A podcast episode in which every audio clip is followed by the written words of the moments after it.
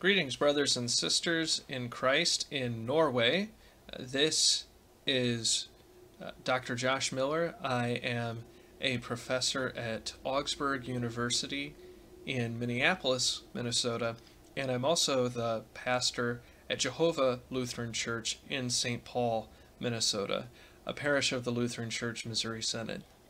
It is my great pleasure to be with you in part of this series, Free and Locked Up. We are, in fact, locked up in many ways in our time here. I'm sure that uh, the same is true for you in Norway as it has been here in uh, the United States as well, with the time of COVID 19, this pandemic that is raging around the world. And we'll touch a little bit on that as it pertains to today's topic. Today's presentation is called Out of the Depths. And Out of the Depths is really about uh, this idea of lament. And so I call this presentation Out of the, or this talk, this talk, Out of the Depths Freedom, Evil, and Lament. Many of you probably have heard of the theologian and scholar of Martin Luther's theology whose name is Oswald Bayer. Dr. Bayer is a professor emeritus at the University of Tübingen in Germany, and he was really a pioneer in Luther scholarship in our age. He he's really has this this pioneering idea that it's God's promise, God's active word of promise that does what it says. That is the central thing that makes Luther Lutheran, that makes Lutherans Lutherans, and that makes the Reformation reformational.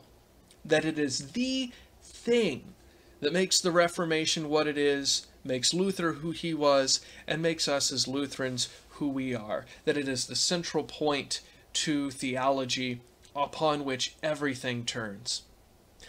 And for Bayer, you know, God's promise is an active word. It's a word that does what it says. So when I say, I forgive you of your sins, it happens just like that. So that when we baptize a child in the name of the Father, Son, and Holy Spirit, and we say, I baptize you, the baptism takes place. That is, salvation is applied to that child. When we say, This is my body, this is my blood, that this really is, and it really does forgive sins. That when we say sins are forgiven, sins are forgiven. And that, of course, is the great gift that Christ has given to his church this active word that does what it says. Part of Bayer's uh, whole project of theology is making theology Lutheran, making Lutheran theology Lutheran. And what is it that makes Lutheran theology Lutheran? It's that this idea of justification by faith is by God's active word of promise. That when God says, I forgive you for what Jesus did on the cross because of what Jesus did with his death and resurrection. I forgive you that forgiveness happens and that justification is therefore a creative judgment. It is a word that that does what it says, that creates something, and it creates this re- this relationship of reconciliation with God.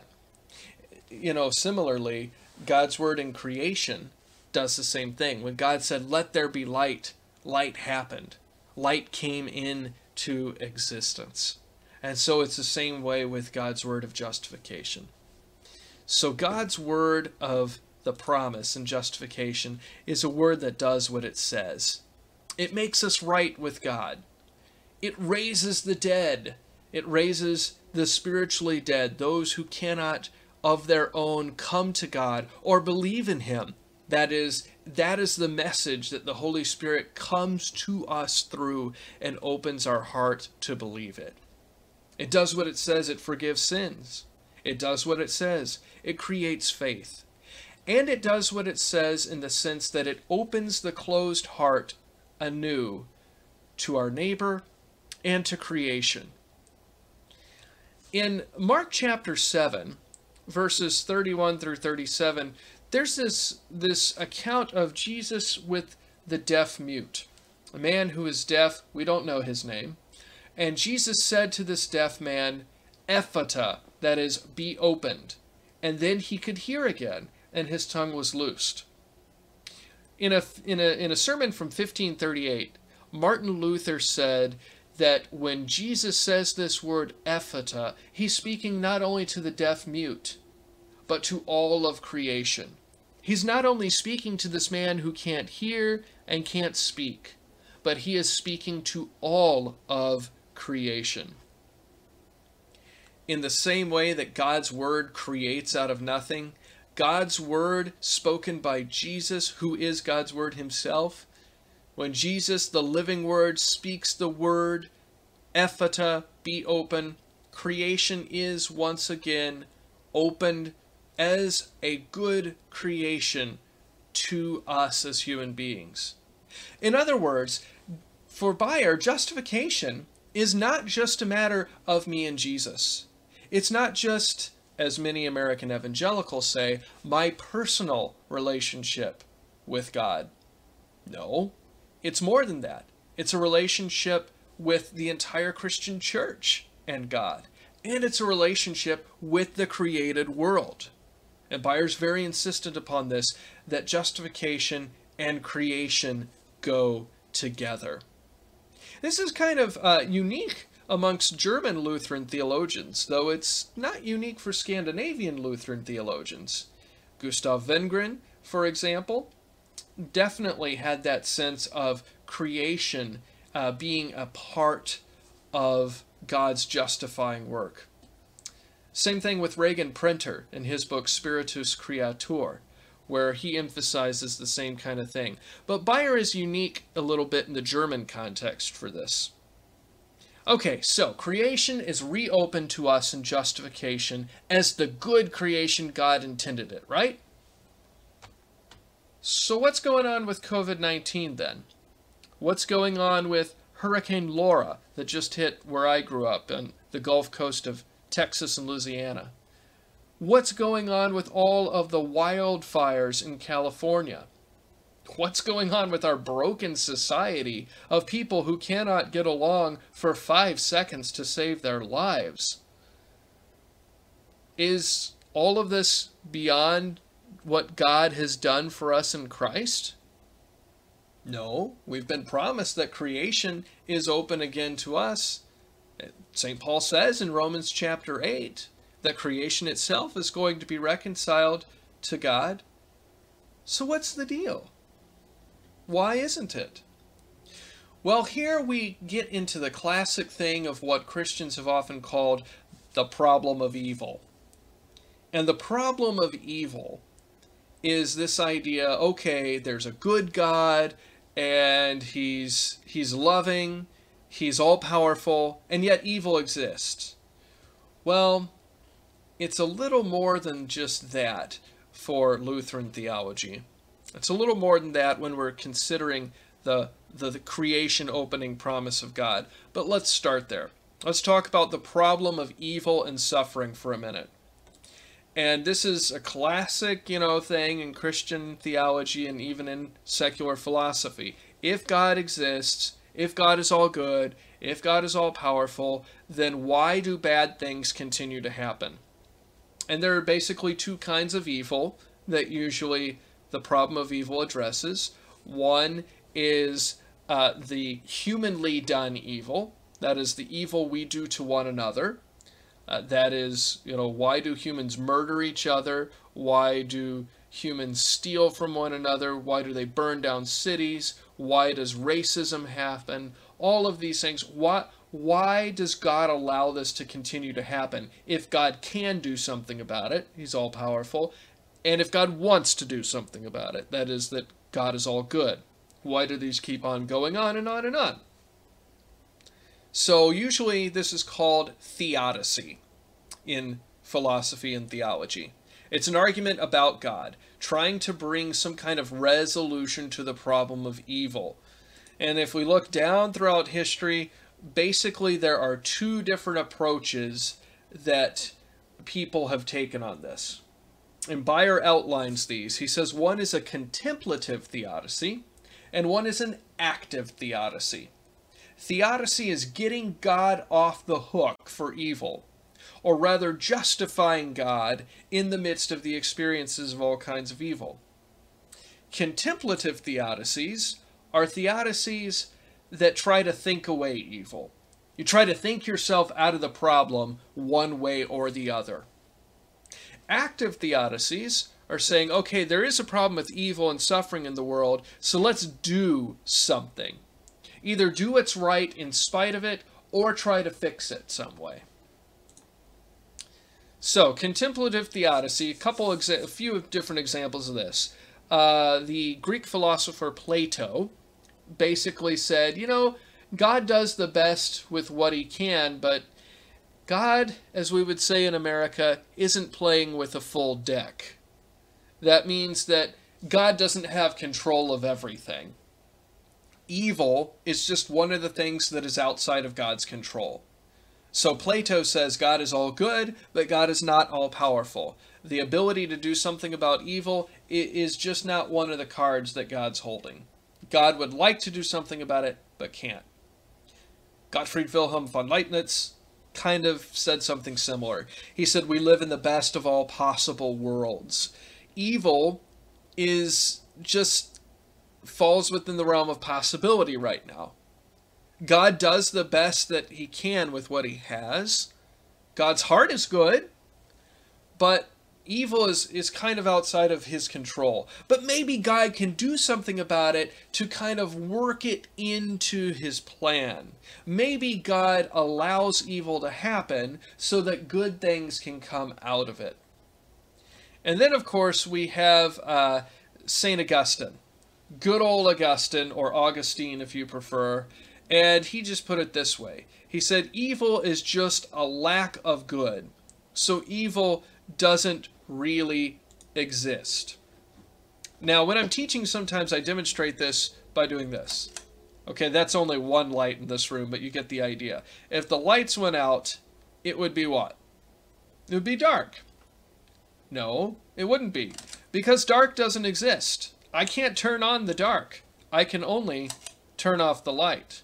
And so Augustine says, well, evil doesn't really exist. Good exists, and so evil is just a lack of good. And he gets theological with it and says, well, we were created with original righteousness in God's image. And now we have that a lack of that righteousness. So we're not evil. We just don't have righteousness. We just call that evil. But even Augustine doesn't really believe this. Because in his doctrine of original sin, he thinks sin is real not just a lack of something. He thinks that concupiscence is something too, that we actually do evil. It's not just that we lack good, we actually are bent to evil. So I think we can uh, discount what Augustine says just by the fact that he didn't even really believe it. Few other options here. Uh, there, there are basically two different versions of this, but they, they come down to the same thing, and that is a belief in free will that becomes all important and all pervading in theology. Uh, one view of this would be from the medieval theologian Thomas Aquinas, and this one's a little more orthodox than the other view of it. And Thomas Aquinas said it this way He said, basically, God could violate our free will and end evil, but God has chosen not to violate our free will. God has chosen to work with our free will, and that means that God tolerates evil for a while because God is working within our free will. That's the as orthodox as you can have version of that. The very, very popular, very popular and, and sacred theologian who wasn't a theologian among many English speaking Christians, C.S. Lewis said it this way. In his book, The Problem of Pain, which many people, including many Lutherans, absolutely love and think is the best thing written on the problem of evil ever. And basically, Lewis evidences a latent atheism here. He says God cannot violate free will because God wouldn't be God anymore if God did that. Or God would be a monster God. If God violated our free will, that would mean God isn't loving. And so you have these two incompatible things. You have love and you have power, okay? Omnipotence, all power. And they can't both exist in God. So since God is love, then God is not all powerful. God can't do anything about suffering and evil right now because God would force us to love him then. And God doesn't violate free will. As Lutherans, this option is theologically off the table. Although many Lutherans will run to a, a, defense of free will when they talk about the problem of evil, this is actually condemned in the Lutheran confessional writings. Both the Augsburg Confession and the Formula of Concord are very clear about this. There is no free will when it comes to God. And thank God he does violate our free wills. Because if God didn't violate our free wills, none of us would be saved. The original free will theologian, though, wasn't C.S. Lewis. It was Erasmus of Rotterdam, who, in his diatribe against Luther, said, Luther, you're a bad guy because you don't believe in free will. You want God to force us to love him. And God doesn't operate that way. Moreover, Luther, if you did if what you were saying was true and that our wills weren't bound but free, well then people would do all kinds of immorality and they wouldn't be on the hook for it. You see, Erasmus can't think outside of the law. He can't think with the gospel to save his soul, because Erasmus himself is bound in sin. And so we all are, unless the gospel comes and breaks us out of our prison. Unless we unless the gospel does that, we are all of us locked up. But I'm not going to get to preaching the gospel quite yet because we're going to talk about a few other options here on the table. Another one uh, is is really popular in the United States, and it has a liberal version and it has a conservative version. The liberal version is called process theology, and the conservative version is called open theism. And they both, both basically they both say the same thing. They just say God is not all powerful. God doesn't know the future. God doesn't control the future. God's along for the ride in this too. God has your good at heart, but can't really do anything about it. And in The Bondage of the Will, Luther says if that's true, God can't keep his promises. Think about that for a minute. If God can't, if God has no control over the future, and so doesn't control evil and those things that happen to us that are bad, then that also means that God doesn't have the control over the future to keep his promise. That's a problem. Well, there's a the complete opposite of this in, in John Calvin. Um, perhaps we want to go that way. No, probably not. Uh, John Calvin's is, goes along the lines of this Whoever told you God was all loving? God is all powerful, but not necessarily all loving. You don't like evil? Too bad. God didn't ask you. Maybe God uses evil to teach you how to obey Him. Or maybe even worse than that, maybe you aren't elect. Maybe you're just one of those damned people who exist to fuel the fires of hell. Okay, well let's let's put that one off to the side. Okay, those are contemplative theodicies. Now let's look at active theodicies. Do something about it. We have Immanuel Kant, the classic German philosopher of modernity, and he said it this way. He said, "Nobody cares. Okay? Nobody asked you. Sorry you feel bad about evil. It's irrelevant. You do what's moral in the face of evil." you be the moral person in an immoral society. You're only on the hook for your behavior. You're not responsible for everything that happens in your society. You're not responsible for what happens in nature. You're responsible for you. So you do what's right no matter what. This is a theodicy of keeping the law in the extreme. And we have another um, we have another one. We have another active theodicy. There's evil in the world, so change the world. If you have a problem with the evil in the world, do something about it and change the world. Now that sounds good to us until we hear where that came from. In his Theses on Feuerbach, Karl Marx said, The philosophers have only interpreted the world. The point is to change it. Well, let me just ask you this about that one. Did Marxism in Eastern Europe change the world for good or for worse?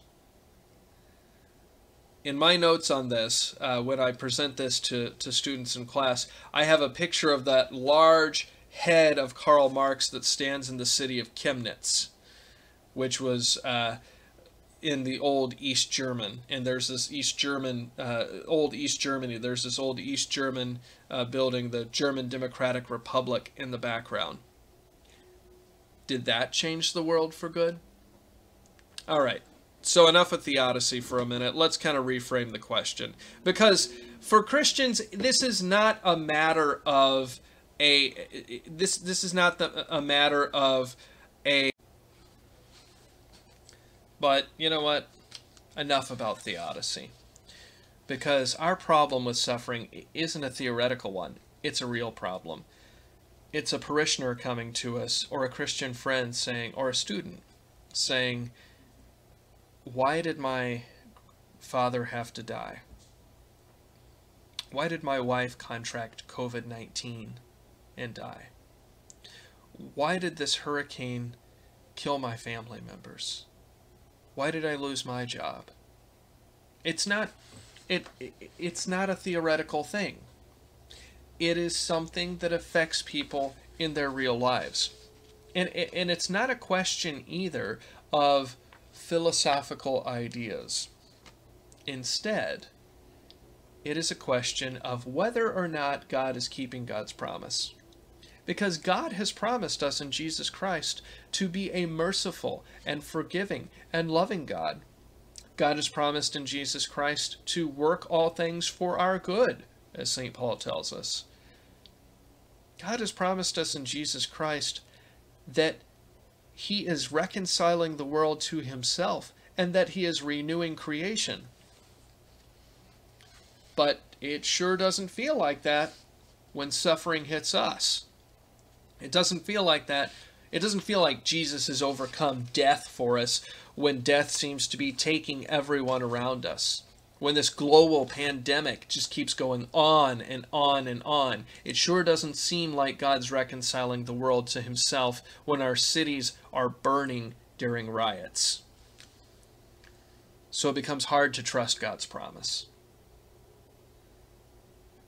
Evil and suffering are experienced as the contradiction of God's promise. And that's where lament comes in. Oswald Bayer says it's not a question of the problem of evil. It's not a question of theodicy. That's an argument about God. The point is to argue with God. You know, if you're going to question God's justice and God's goodness and things, don't go little piddly on it. Go big. Question God Himself. Any fool can stand up in a classroom and question whether or not God exists as a hypothetical problem. To stand on your own two feet in front of the God of the universe and question Him, that takes guts. Moreover, it takes faith. Because you have to believe that He's there to hear you, and you're judging God's actions or God's inaction on something God has already given, namely his promise. So lament doesn't argue about God, lament argues with God. When I think about lament, I think about a student of mine in former classes. Let's call her Sarah. That's not a real name, but for our purposes here, let's call her Sarah. And Sarah, she and her boyfriend were both Christians. They were both active in the university choir.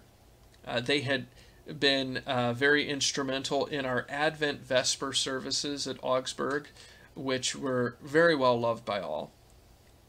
And Sarah's boyfriend died in the middle of the night.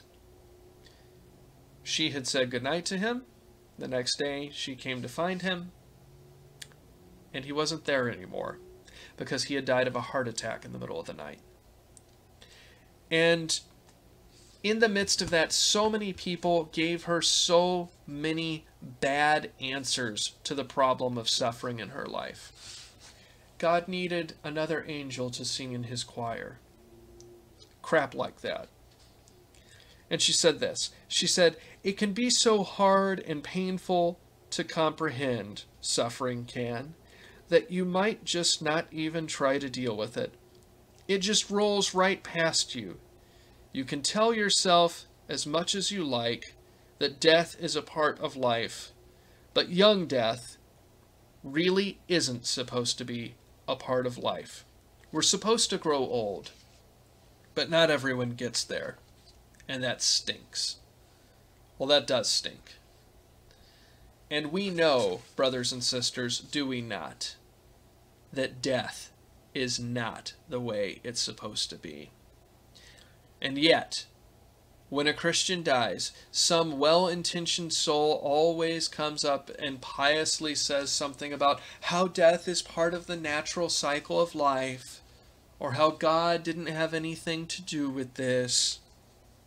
And so what? We're trying to make fellow believers into atheists? To think that God isn't active in their life? As Sarah said to me, she said, I'd like to be an atheist. I'd like to believe that there was no God to be responsible for this, but I just know that that's not true. So what do you do?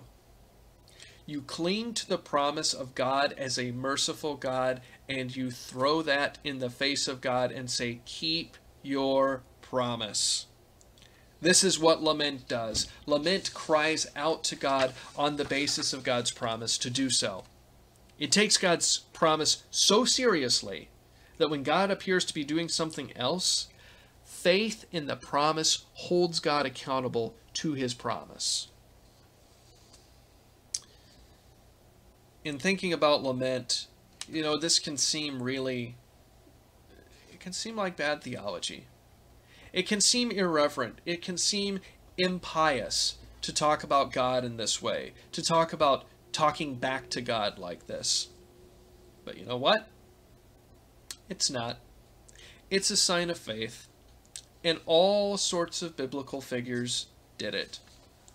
Habakkuk's entire book is essentially a lament against God, accusing God of not keeping his promise. And at the end, God shows up and, and promises to keep his promise. And Habakkuk utters the response, Well, I guess the righteous are going to have to live by faith then if they can't see it. Oh, hey, the righteous shall live by faith. Yeah, Paul's words in Romans that Luther picks up on in his early career. The righteous will live by faith. We'll come back to that. There are three parts to lament. Lament says what the problem is, it calls a thing what it is. It says evil really is evil, it says suffering really is bad, and it says death is no good. And it doesn't try to get God off the hook for it either. Instead, it cries out to God, it argues with God on the basis of God's promise. It says it is a challenge to God, really. It is throwing the gauntlet down at the feet of God and saying, do something about that. But at the same time, it is confessing faith in God to be a loving and merciful and powerful God. It confesses faith in the promise that God is merciful and forgiving and is going to do what he says he's going to do, and that God has the power to keep that promise too. It doesn't think that God is just, you know, some God who's along for the ride with us, who's together in the process with us. No, no, no. It says that God is a God who keeps his promise. And it isn't a sign of unbelief to lament. It is the highest or deepest, if you want to say that, probably the deepest sign of faith. that we lament. As my friend and colleague and Dr. Father Steve Paulson says, lament wouldn't be possible without a promise given beforehand. And so we know that if we lament, it's because we're believers, because we trust God's promise so much that we don't accept things the way they are, because God has said that they're going to be different. We can look at some examples of lament in the Bible. We said Habakkuk, there's also the book of Job. Hey, the Psalms of Lament. Lament is the largest category of Psalms there are in the whole Psalter. Jesus' cry from the cross, My God, my God, why have you forsaken me? That's one of them. Why do we as Lutherans, why do we use the crucifix instead of just the open cross? Because we believe that there the heart of God is shown to us in the crucified Christ. And the crucified Christ is the Christ who laments with us. So we look beyond theodicy to the real solution. What's the real solution? The real solution to the problem of evil and suffering isn't something philosophical. It's not redefining terms. It's not saying that evil isn't really real. It isn't saying that that God isn't really God and that goodness and love aren't really good and love. The real answer to the problem of evil is one that only God can give. The reason we can't answer the problem of evil satisfactorily is because it's not our problem. It's God's problem. It's not our problem. It's God's. And God is going to fix it. God is going to do something about it too. Yes, it is our problem in the sense of sin, but in the sense that it goes on. Why doesn't God put an end to it? Well, that's the biblical question. The biblical question of lament is, why are you taking so long, God?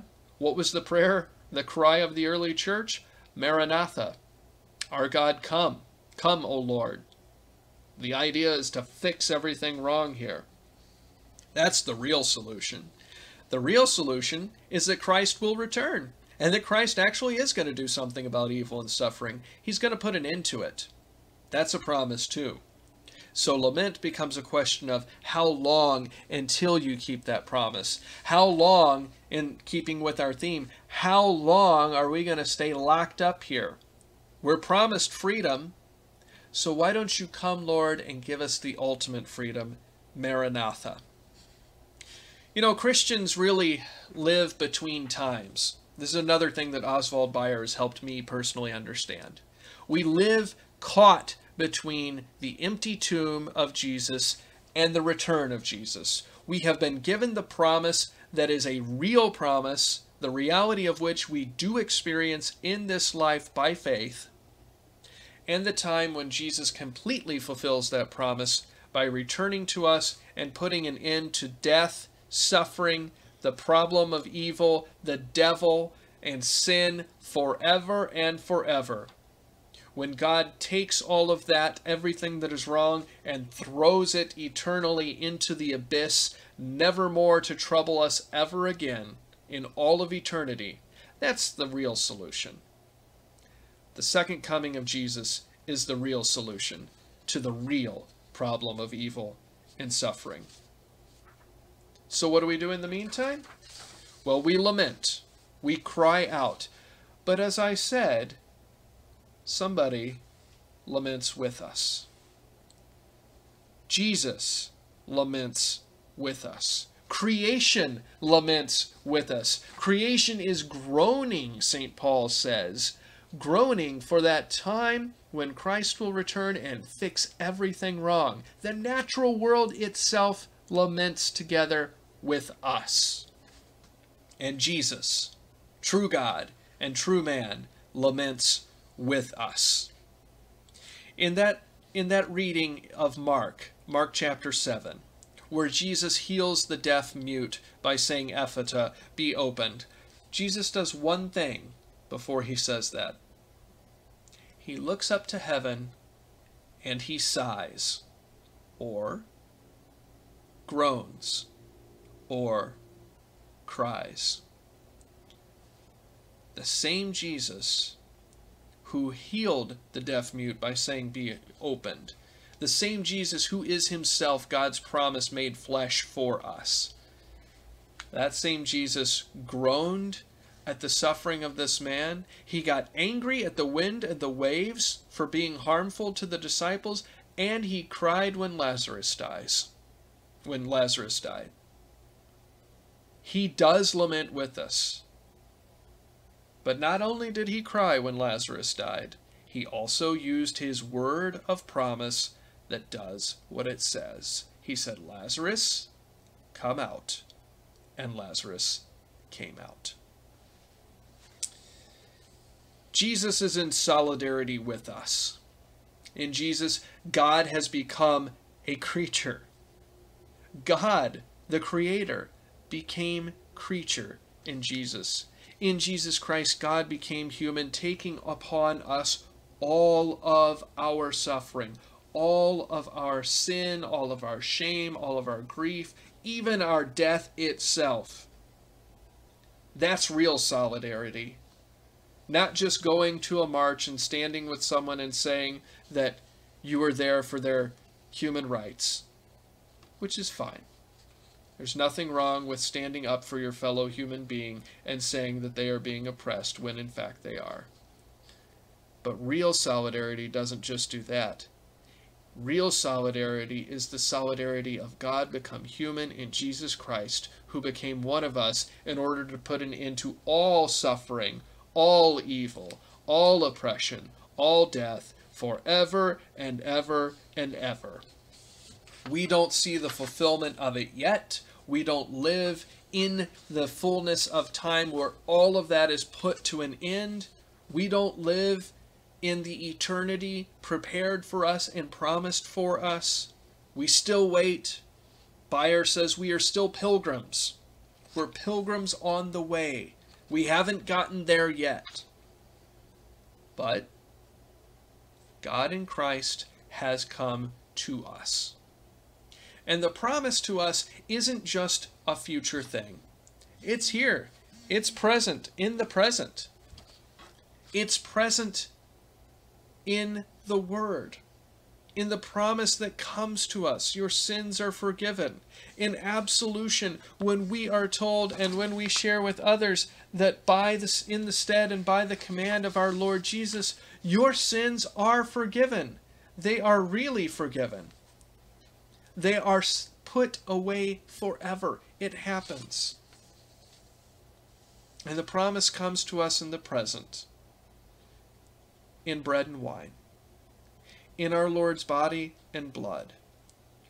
When Jesus comes to us with his body and blood underneath bread and wine for the forgiveness of our sins in Holy Communion, in the Lord's Supper, we have the realness, the reality of that promise right now in the present. And this is the one place in all of creation right now in the present where God and human and creation are reconciled together in these words given and shed for you for the forgiveness of sins. It's a foretaste of the feast to come, as we like to sing in America in one of our communion canticles. But it's not just a foretaste, it's also the real thing right now. And so, we live in a time that is broken.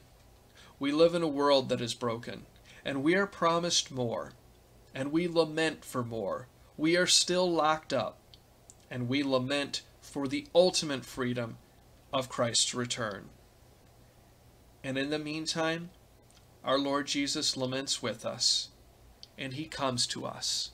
He comes to us in his body and in his blood assures us that we are forgiven, that our death has been taken away by him, that the devil can bother us no more, and that evil and suffering will one day come to an end forever. And so we say with the early church, Maranatha, come, Lord Jesus. Amen.